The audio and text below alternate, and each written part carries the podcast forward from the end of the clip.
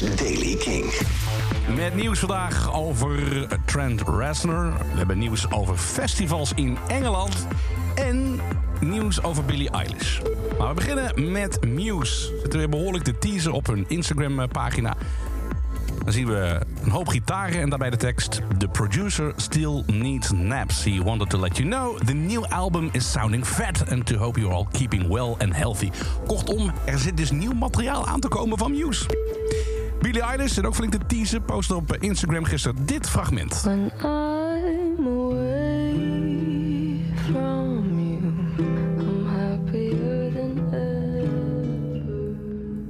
En dan de tekst Happier Than Ever. Het is een kwestie van tijd voordat we weer nieuwe muziek van haar gaan horen. We wachten het geduldig af. Eerder maakte ze al bekend dat ze tijdens de lockdown een nieuw album heeft opgenomen. En dat zou dan de opvolger zijn van When We All Fall Asleep, Where Do We Go uit 2019 alweer.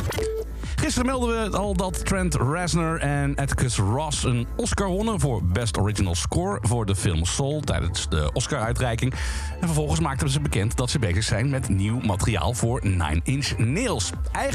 Waren we van plan om op tournee te gaan, al dus Trent Reznor, maar uiteraard ging dat niet door vanwege corona. Dus we gaan morgen maar weer eens beginnen aan nieuw materiaal.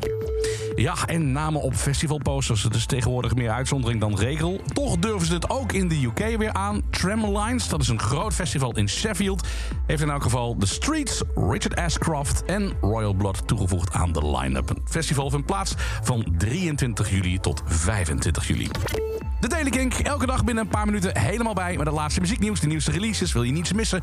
Luister dan dag in dag uit naar Kink.nl of waar je ook de podcast luistert. Elke dag het laatste muzieknieuws en de belangrijkste releases in de Daily King. Check hem op King.nl of vraag om Daily King aan je smart speaker.